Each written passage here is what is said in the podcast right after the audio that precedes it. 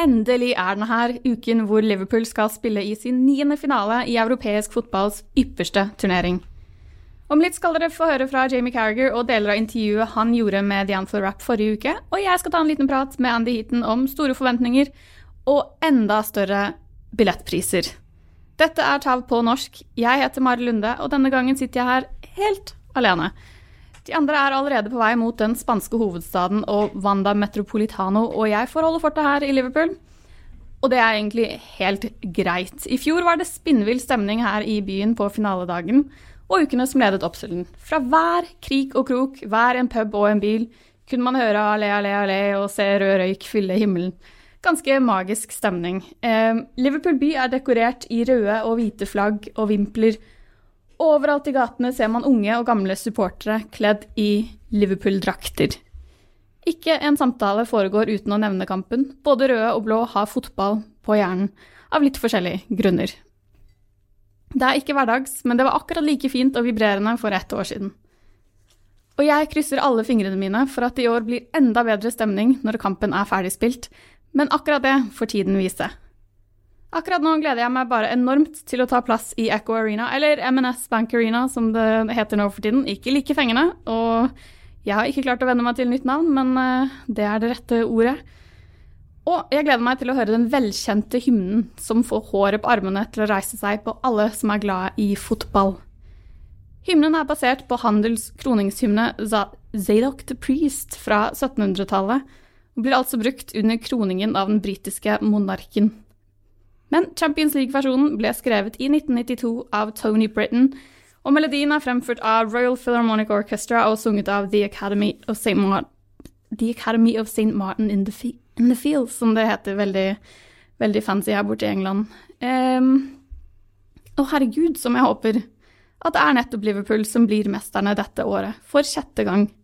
Herregud, som jeg håper at jeg får se Jordan Henderson løfte trofeet. Gode, gamle Big Ears. Det har han fortjent, og det har spillerne som har holdt liv i et tittelrace helt til siste kamp, fortjent. Spillerne som nektet å la seg slå ut av Barcelona og verdens beste spiller, og i stedet skapte en av Anfields mest minnerike kvelder. De fortjener det, men skulle det ikke gå hele veien, vil ikke Liverpool by henge med hodet. Det gjorde den ikke i fjor. Byen og folket vil reise seg, som de har gjort i motgang så mange ganger før. Tiden vil vise, og nå venter vi veldig, veldig utålmodig i et uh, sommerfylt Liverpool. Andy, Hiya. hello. What's your Champions League plans? Well, same as last year. Well, no, I, I didn't go last year. With the, I flew in last year, but as our, our boys drove and uh, boys and girls drove, and we're deciding to do it again. So um, I'm just gearing myself up for uh, the chaos. Nah, it'll be fun. It'll be fun. We're, uh, we're leaving Wednesday morning, early hours Wednesday morning, about two o'clock. Uh, we're going to get the Eurostar over, I think, and then drive down to Bordeaux. Nice in Bordeaux. Worst places to be, isn't there? Yeah. Um, might have a couple of bottles of wine, who knows? Um, and then over to Bilbao and then down to Madrid. It's getting exciting though, and it's getting close. Yeah, it's getting really getting close. close. We um on the drive in 2007, we drove all the way to Athens. Yeah. Yeah, in an, um, a motorhome. Me, uh, my dad, uh, two of my uncles. One of my uncles flew all, all the way from America, and a couple of my mates.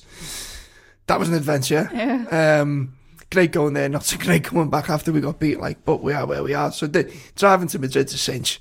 But um, it should be exciting as well. I'm really looking forward to it. I think all the all our mob are really look, looking forward to just getting on the road and getting there. And you know when you like you build yourself up for a journey, and it's like, or like when you're going on holiday and you're in the airport, but you're not really going until the plane takes off. Yeah. So until until we pull out of Mann Island on Wednesday morning, it's not going to be real, and then it'll become very very real. So 2 a.m. on Wednesday morning. How many hours is the drive? It's about 20 hours or so. so? Yeah, well, Google Maps says 20 hours, but Yeah. um, as I said, we'll be stopping off, so it won't be too bad. We'll be driving, I think it's about six, seven hours down to Dover or whatever we're going, and then the same again to to uh, Bordeaux, and then you, you once, once you hit Bordeaux, you're nearly you're pretty much there, really, aren't you? So Is that where you're staying, is it? And then going into Madrid on. Bordeaux? Yeah, Bordeaux overnight, um, and then Bilbao for a night, and then Oh, yeah. down to Madrid. Yeah. And then driving to Madrid first thing Saturday morning Yeah. um, for the fan park. We're doing some stuff with uh, the club, uh, or ourselves, and um, Boss Night again. It's going to be really, really cool. Really excited. Same same stuff as last year. Yeah, um, Similar. You'd like to think so. I don't think it'd be on the scale of Shevchenko Park because I don't, I don't think there's that, that many wide open spaces in Madrid, to be honest. But yeah, it's going to be something like that. But I, I can say confidently, I think it's going to be better. The, I mean, Shevchenko Park was made, but I mean, what we produce will be better because we, we're kind of used to it and we know what to expect. Yeah. And I think it's the same for the boss lads. It's just going to be a big, massive party, and we can't wait. Ah, sounds good. Um, the ticket situation has been Oh, ridiculous this year. Um, I know you are not hundred percent sorted. I haven't got, I haven't got a ticket. No, No, you haven't got a ticket. No, um, I'm still on a wing and a prayer, and um, you know, going to bed every night, doing my rosary beads. Yeah, I'm not even religious, but I'm trying everything. Um, you know, but I can't not be there. I can't not be there, and I know loads are in the same boat, and the whole thing's ridiculous, isn't it? Yeah. I mean, like, I know, I know everyone thinks that, in particular, I'm a bit of a narc and I like to moan about things, and but I don't think the club can win in this situation. Um, they get given a piss poor allocation. Can I say piss poor? I've just said piss Yeah, poor. yeah, of course, go for it. Um, from UEFA that they're obliged by um, previous previous ownerships, the priority rights thing. They can't do anything about that. That's enshrined. They can't touch that. Um, and you know what? As well, to be fair, if you've had shares in Liverpool and that was the deal offered, you'd take it. I'd take it. So Yeah. you know. And then you got your ex players, and then it's kind of it's it's a funny one with the ex players. Everyone thinks, oh, the, the ex players are on a freebie. I only found out this week the ex players have actually got to pay for their own tickets. They're not just handed to them. No, they've got to pay. They've got to pay.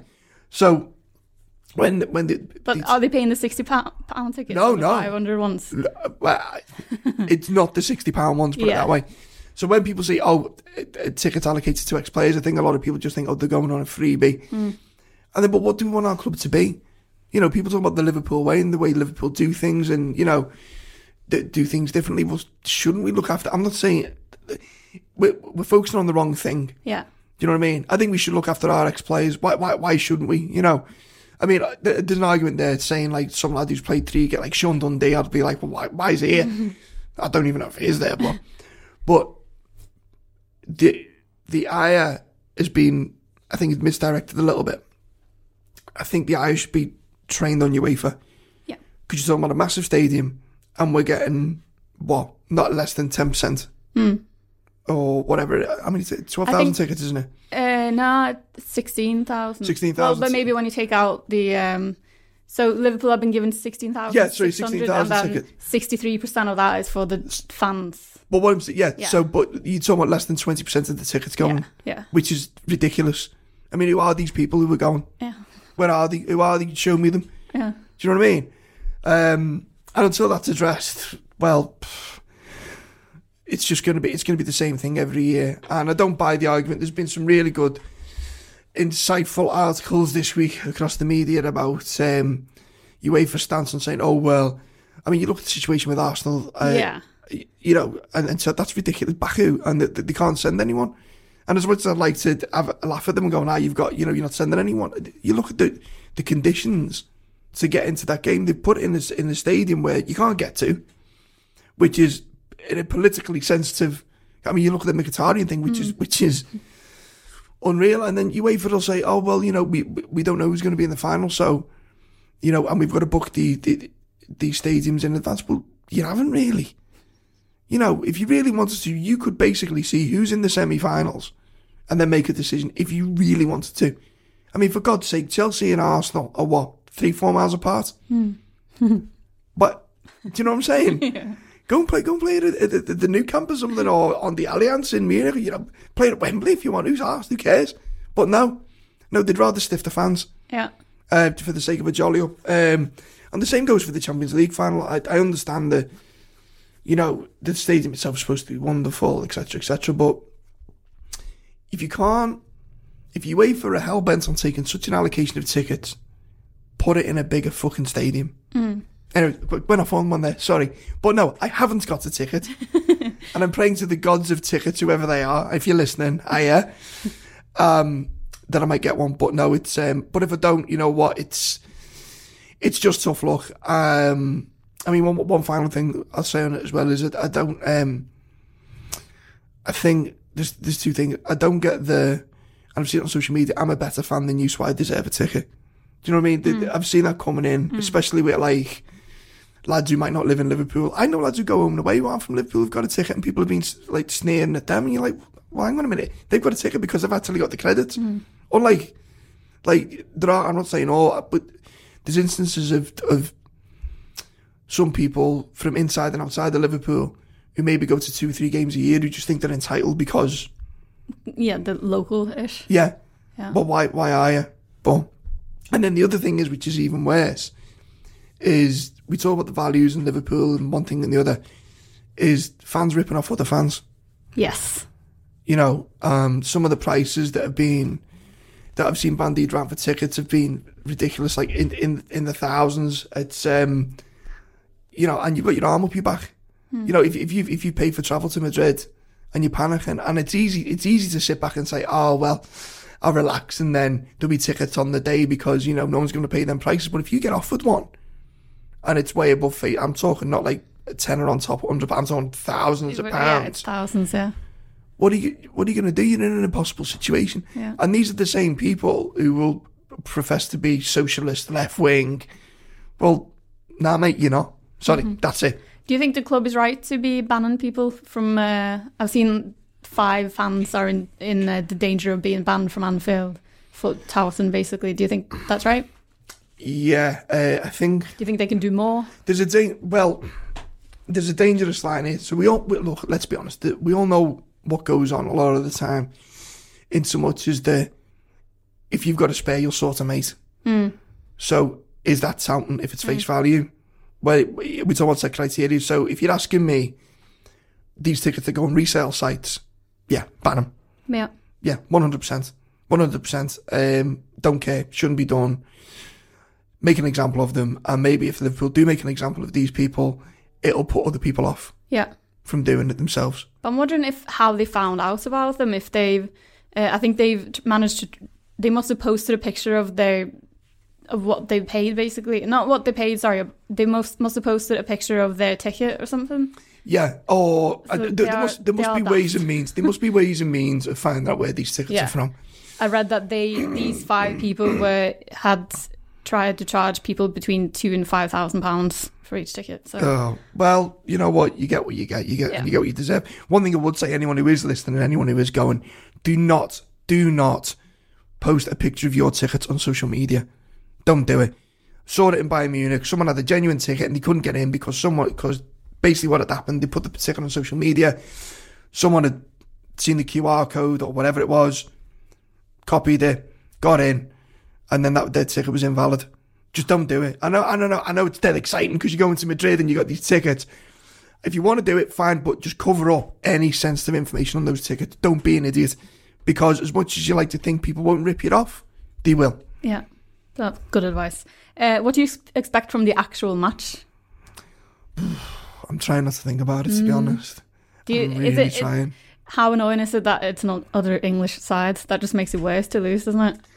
um, Or is that just me? yeah, no, my initial, I look, I was gutted. I'm gutted we're not playing Ajax, but Yeah. then it's not like Liverpool to do things easy, is it?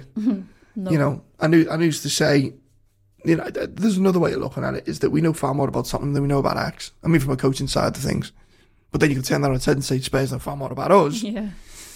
Then, but look, it, the reality is there was a 25 point gap or whatever it was between Liverpool and Tottenham. Um, Tottenham are a great side. But if Liverpool turn up and play the way we know they can, they should win. So how much of an advantage is it that Liverpool will have been in this situation a few times before while Tottenham are quite new to a European Cup final? I don't know whether I necessarily buy that, you know, um, because the only experience we've got in a European Cup final is losing with this generation is is going there and losing. Um, what I will say is that I think psychologically Liverpool are very very strong. Um, I think we saw that with there was evidence in the comeback against Barcelona. Um, and you know, you look at Spurs, the, way- the way their campaign's gone, they'll they'll think they can win. They'll think they can win. You, you know, they were dead in the group, they got through. You know, they, they beat um, some of the sides they, they got results against. They were dead and buried against Ajax. They got through. Um, and things have fell for them, you know, and they'll have a sense of destiny the same way we've got a sense of destiny. And, you know, there's always a first time to win it as well. There was a time when we, we we didn't have it. There was a time when it was our first European Cup final too. But I think you can get wrapped up in all that, and I think from my from my side of things, you know, sometimes you can use that experience of what you've got to help in a positive way. But sometimes I think as well that can become negative. And we, we spoke to Kenny Dalglish yesterday. We spoke to Craig Johnston, and it was surprised me because they said I they were asked the same question, and um, we asked them, you know, we were you excited in the build up to the final? They both said no, we were nervous as hell, Okay. which is really surprising. You know, you think you're talking about to Kenny Dalglish, you know, and Craig Johnston, who's one of the most positive men you could ever meet. Um.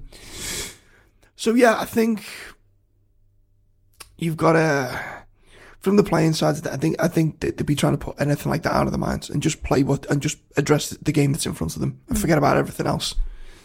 Um, and then see where we are. I mean, even the Barcelona comeback, I, I wouldn't even. It's easy to say I'll just go with the same mindset as Barca, but Barca was a unique one in so much as that, and it sounds mad, because of the scoreline going in, we knew exactly what we had to do. It Yeah. wasn't like, oh, well, let's play for a draw, let's keep it tight. Let's. There was no permutations. We knew exactly what was in front of us and what we had to do to achieve what we needed. Whereas, who knows what we need against Spurs? Who knows? Just play the game that's in front of you. I think with the Barcelona game as well, the second one, you kind of went into it with no expectation, no pressure, Exactly. and that obviously helps. Um, if Liverpool don't win, um, are the patient? Sorry, are fans going to run out of patience, basically, Patience with with trophies? No, you With can't Klopp, ever say that. No, you can't. You, no, no, no, no, no. Listen, listen, listen. Listen, if Liverpool don't come home with the European Cup, well, I mean, you can't say they've failed. I mean, look at the season they've had. You know, it wouldn't be that Liverpool lost. Be, it'll mean that Spurs won. You know, I can't. You look at the improvements in Liverpool over the last couple of years. You look at, I mean, with 20 plus 25 points, whatever, better off. We're our second consecutive European Cup final. You know, look, it's. As I said to you earlier in the show, nothing's ever supposed to be easy. And the romantic in me, and I still believe this because it's happened too many times in my life for Liverpool, that you're going to get knocks. Hmm. I'm not saying we're going to get beat. I'm confident we're going to win. But there's bumps in the road. But it's those bumps in the road that were, that make it all sweeter when, when you do win. You know, and it'd just be like, it'd just be like Liverpool to make it as dramatic as hell. Um, and put even more grey hair on my head. Um, I mean, I was talking to, uh, I was talking to my dad about it the other day actually, and said, you know, what's the best way to win it? Because you, you, you play tricks with yourself, don't you? It's like, if, if there was this kind of, if I could give you two scenarios that were guaranteed, you know, one where Liverpool are 3 0 up inside half an hour, or one where they win it in the last minute, which one do you choose? And you said, well, your, your instinct is to go all to a last minute winner because, you know, it goes mad. But then it's like the torture of the, you know, what leads up to that and the circumstances. To be honest, I'm past that. I just I want to be 8 0 up inside 10 minutes and forget about the rest. And then we'll have a party at the end. But no, if, um, listen, if anyone, if it's even entering your mind to give up on this club for losing the European Cup final, then I don't think it's for you, to be honest. Yeah. Um, so I've lived in Liverpool for nine years now, and I've only seen us win a League Cup. What will the Maybe City- it's you. Maybe it's your I fault. I feel like I am, yeah. But what will the City be like if they do win it? I'll be stuck on a bus, I couldn't tell you. Um, well, yeah. no, I, all I can relate to, I was lucky enough to get back in time for the parade in 2005. Yeah. And it, it still goes down as one of the best nights of, of my life. It was, uh, I've still got the DVDs kicking around somewhere as well. It was, it was insane. It was just like, and you know what was great about it? It was pre-social media. Yeah. Like Facebook was a brand new thing, and I don't I, even Facebook existed. Um, My, my, I, I don't think it was there. MySpace or something or whatever. It was. Yeah, MySpace. But it was funny getting into town that day because no one said, everyone knew where the parade was, but there was no like, oh, we'll meet up here and go there. It was just kind of like this organic thing where you just, you, you'd be walking up the street and the, the closer you got to town, the more dense it became. And this is like, I think it was like three or four hours before, the, and the, the bus was delayed anyway because they just couldn't move. And then obviously everyone's seen the, the, the photographs from the, the aerial photographs from St George's. It was uh, incredible, incredible. I, I, I can't wait. And I know the parade's not going to be St George's this year for reasons unknown Uh, I won't mention his name, but um, certain councillors and politicians, you know, meddling. Yeah, yeah. Why can't we just have it at St George's? Yeah. Why not? Why? Joe. Sorry. there it is. um, I, I don't know. I don't know what it's going to be like if we win it. I'm sure it'll be amazing. And half of a, a little bit of me, well, not a little bit, a lot of me hopes we win it. So the people who couldn't experience it in 2005 can experience it now because it'll stick with you for the rest of your life. That yeah, it'd be incredible, wouldn't it? Okay, uh, so you think we will would do it? You, if Liverpool play the way they can, Ja. they will win. Sant. Vi krysser absolutt alt vi har for at Liverpool vinner nummer seks denne helgen. Senere denne uka kommer The Cop-Out-podkasten tilbake med en lengre oppbygging til finalen. I mellomtiden kan dere kose dere med noen vise og alltid morsomme ord fra Jamie Carragher. Up the Reds. It's John Givens for the Anfield Wrap, and it's a special Anfield Wrap where we look forward to a Champions League final that we're all excited about. So we thought we'd get in, well, hopefully a few players who've, who've played in them and want to give us their experience. Uh, first up, old friend Jamie Carragher, welcome back. Thank you. Um, I want to this every year, eh? well, hopefully, mate. Yeah, hopefully. Um, I want to talk to you about semi-finals first of all, because obviously the full focus is the final. But you know, we've just had this amazing game against Barcelona at home, and what sort of what I loved about it, obviously the, the comeback's incredible, but seeing the emotion of the players at the end, and you don't really get remembered for winning semi-finals in terms of Liverpool's illustrious history, but for those players and the people who were there, they'll always remember it. So I wanted to sort of ask you about you played in those famous semi-finals against Chelsea, where we went through. There's the Garcia one, then there's the Pens, and how fondly you remember those nights, really, and the fact that there's forty thousand people there to celebrate it with you that you don't necessarily get in a final. But that was that, there must be special nights for you looking back on your career. They are really, and and you're right about semi-finals because I think you- the club we are, we're only re- remembered for winning or losing a final, if you like, and people forget how you get there. But I think for a player, and certainly I'm sure a supporter at times as well, you look at the run that you've been on, and you think of. I always think, what's the biggest game you can play at Anfield? Really, you know, you know, you're not gonna. Obviously, you're not gonna play a cup final there. Maybe in the past you could play a UEFA Cup final. You know, them two-legged affairs wasn't in the in the seventies and eighties, but unless you you probably in pole position to win a league title, uh, you know, your last game of the season, if you like. What's bigger than a Champions League semi final? Certainly a second leg one as well. And that's why I said, I mean, straight after the game, the greatest ever night at Anfield, that uh, for me. And not just in terms of the modern era, I think even if you go back, just so much involved in it. The, the way the team played, the team they were up against, Messi, you know, maybe the great, you know greatest player of all time, certainly for me. And uh, they are special. And as you say, in finals, we know the problems we've had now with tickets and how many Liverpool fans are going to be in the stadium. We know we'll, we'll probably take over the stadium, but when you have the whole of the stadium with you on a night like that, and you can celebrate like that, really, it is something special. And and at the moment, that's my uh, Twitter profile picture of the all of the players and the staff in front of the Kop because that's what football is, isn't it? Really, Yeah. it's that you know that coming together between the stands and the pitch, really. And, and when things aren't going well, there's always a discord between that. Oh, you know, this player doesn't want to be here, he wants to go, or he's not that. And I just think the way it is at the moment for Liverpool, there's such a, a togetherness between the the manager mainly and the support. It almost looks unbreakable at the moment. And listen, you wonder how long that can last. Never lasts forever. But there's very rarely, if, if any players in the squad now who you look at and the play, the supporters don't love or have got some sort of affinity to. So to see that at the end, when you know that coming together and singing "You Never Walk Alone," it was, it was a great moment for me as as a fan, really, to see that in the stadium.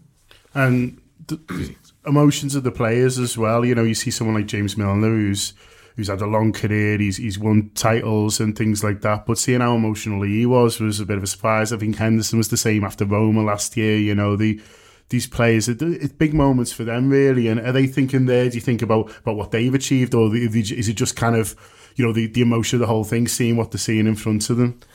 Probably the emotion, the, own- the the whole thing. And to be honest, listen, we're in a position now. I think we're we in our ninth European Cup final? We're, we're going for number six. It's it, it's unbelievable, really. You know, right up there with the top teams in Europe and what they've achieved. And I think sometimes, you know, the players are saying Milner's had a long career, he's probably had lots of clubs. We're lucky that we were born in Liverpool, we support Liverpool. I was involved with the club. That is a special club.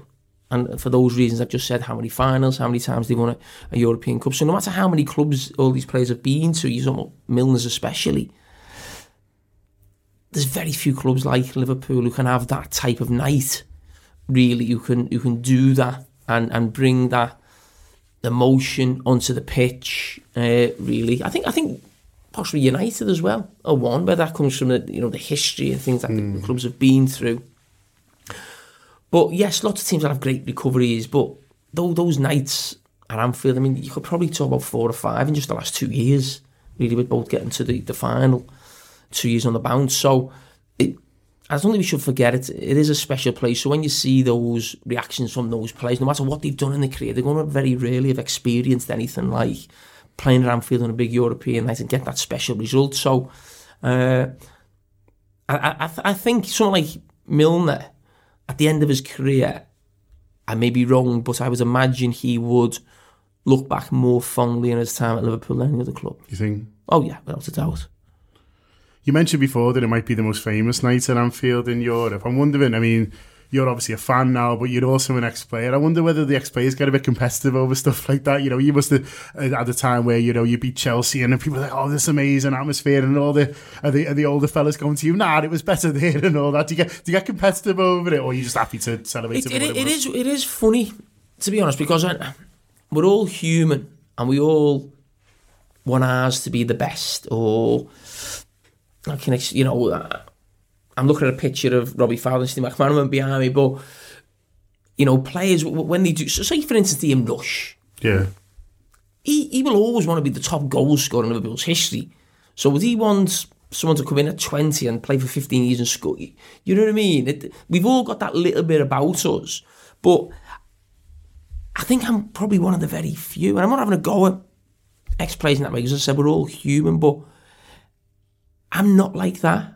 Uh, but I do look at, say, how many games I've played and think, well, I want to stay second in the list behind yeah. Ian Callaghan. I don't want Trent to go past me. I want him to play six, seven hundred, but maybe just fall short. That That's just that normal thing. But I had no problem at all. I think I was probably one of the first. I went straight on social media. Best. That was the first tweet I did, probably five minutes as soon as the end of the game. Best night at Anfield ever.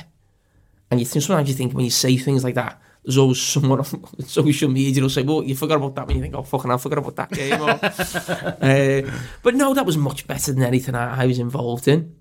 Uh, the atmosphere against Chelsea, I can only talk about being on the pitch, I can talk about being in the stand now, but it, it, it was the same. You know, who, who says what's better? But to be Barcelona 4 0, Messi being 3 0 down the first leg, Salah being out, Firmino out, Robertson, Robbo going off. I, it's by far the greatest uh, Anfield for me, and I was, and I've said continually for the last probably six months, maybe more, maybe last year when I come in, this is the best Liverpool team for thirty years. It's better than any Liverpool team I played in, and that's not me being trying to like score points on this team or why would I? I'll say what I think, and and maybe there's not lots of players because they always want to, you know, our team's better or we won this, this team hasn't won anything yet. And I won, I don't know, probably nine or ten trophies this team hasn't won anything. But still better than any team I played in. There's no doubt about that in my mind. And and uh, I'm thinking what else was going on. I mean, Rafa said, didn't he, after the game about Istanbul? Uh, now, if someone has asked me what what's the greater comeback, now I'm probably with Rafa, and that is nothing to do with me. Ours was better than yours, anything like that. And I, and, and I didn't. I'll be honest with you. I thought when Rafa got involved in that a little bit after the game, I was a bit like, I'll just leave it. Let them enjoy. let them enjoy Barcelona. It's yeah, not about you know whose was better. Just, but I just think when I say ours, Liverpool's, it's because you because you got a cup to pick up. And if Liverpool would have been able to pick a cup up at the end of Barcelona game, if it would have been a final or a two, like whatever it would have been, that would have been the number one for me. Yeah. I just think when you can you can pick a trophy up at the end of uh, what happened with us in two thousand and five, but that was special. But no, I'm I'm desperate for this team to win and Klopp to win a big trophy because Klopp will be gone one day. And I'd hate to the fact that we all look back and went, we loved him, the football was amazing. We went to three European finals in a row. We got 97 points, but you're a bit like, but there's nothing on the, t- the table. to have won. Hmm. So I think when Klopp does go whenever that will be, he's done an amazing job. It's unbelievable how he's transformed the squad, the money he's spent, uh, and I just love him to go back to, to Jamie or wherever he goes back and said looks back at his time at, at Liverpool and hopefully he can say in two weeks' time, I won the biggest trophy coming in club football there.